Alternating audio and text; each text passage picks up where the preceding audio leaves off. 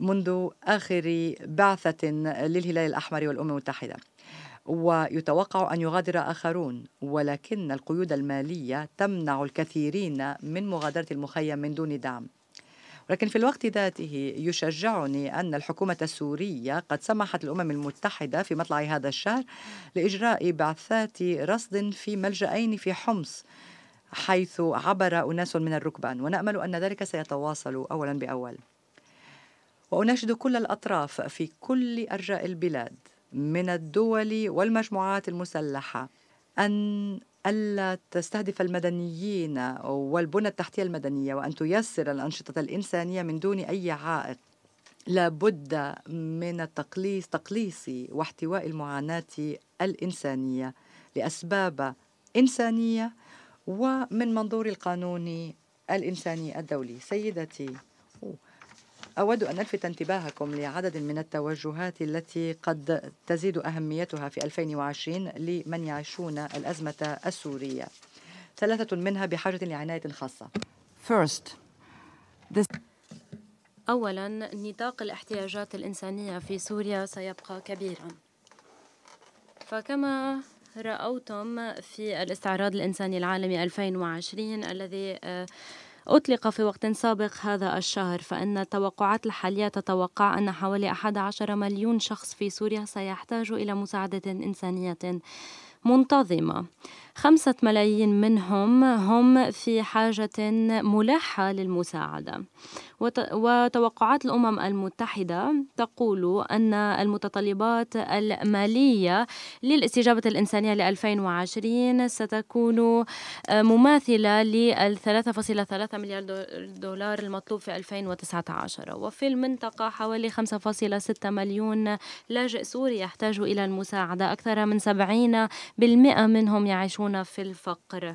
والخطة الحالية لمساعدة هؤلاء اللاجئين والمجتمعات المجتمعات المضيفة لهم لا تزال كبيرة وتكلفتها متوقعة أن تصل إلى 5.2 مليار دولار أمريكي. والدعم المالي للاستجابة في سوريا وفي المنطقة يبقى أساسياً. يسرني أن أؤكد أنه في وقت سابق هذا الشهر اختار وكيل الأمين العام سوريا للحصول على تخصيص مؤقت ب 25 مليون دولار من صندوق الاستجابة الطارئة المركزي. وهذه الأموال ستدعم الأولويات المشتركة الأساسية في إطار الخطة خطة الاستجابة الإنسانية ولكننا نحتاج إلى دعم كبير للحفاظ على العمليات الإنسانية في سوريا والبلدان المجاورة ونحن سنعول على كرم المانحين في العام المقبل لمساعدة الإنسانيين على الوصول إلى أشخاص أكثر محتاجين بما يضمن مساعدة فعالة ومناسبة. ثانيا الوضع الاقتصادي الاقتصادي في سوريا. سيفاقم الاحتياجات الإنسانية. فعملة سوريا قد خسرت نصف قيمتها هذا العام والعناصر آه، وراء الصدمات الاقتصادية يمكن مناقشتها ولكن حسب ولكن بحسب المؤشرات الأساسية فإن الوضع الاقتصادي للمدنيين في سوريا مقلق. فتكلفة العيش ترتفع والدخل محدود والعملة تخسر من قيمتها. ونحن نعي أن الأكثر ضعفا هم الأقل قدرة على الوصول إلى القدرة إلى تأمين هذه التكاليف المرتفعة والأسر ستضطر إلى التكيف مع هذا الموضوع.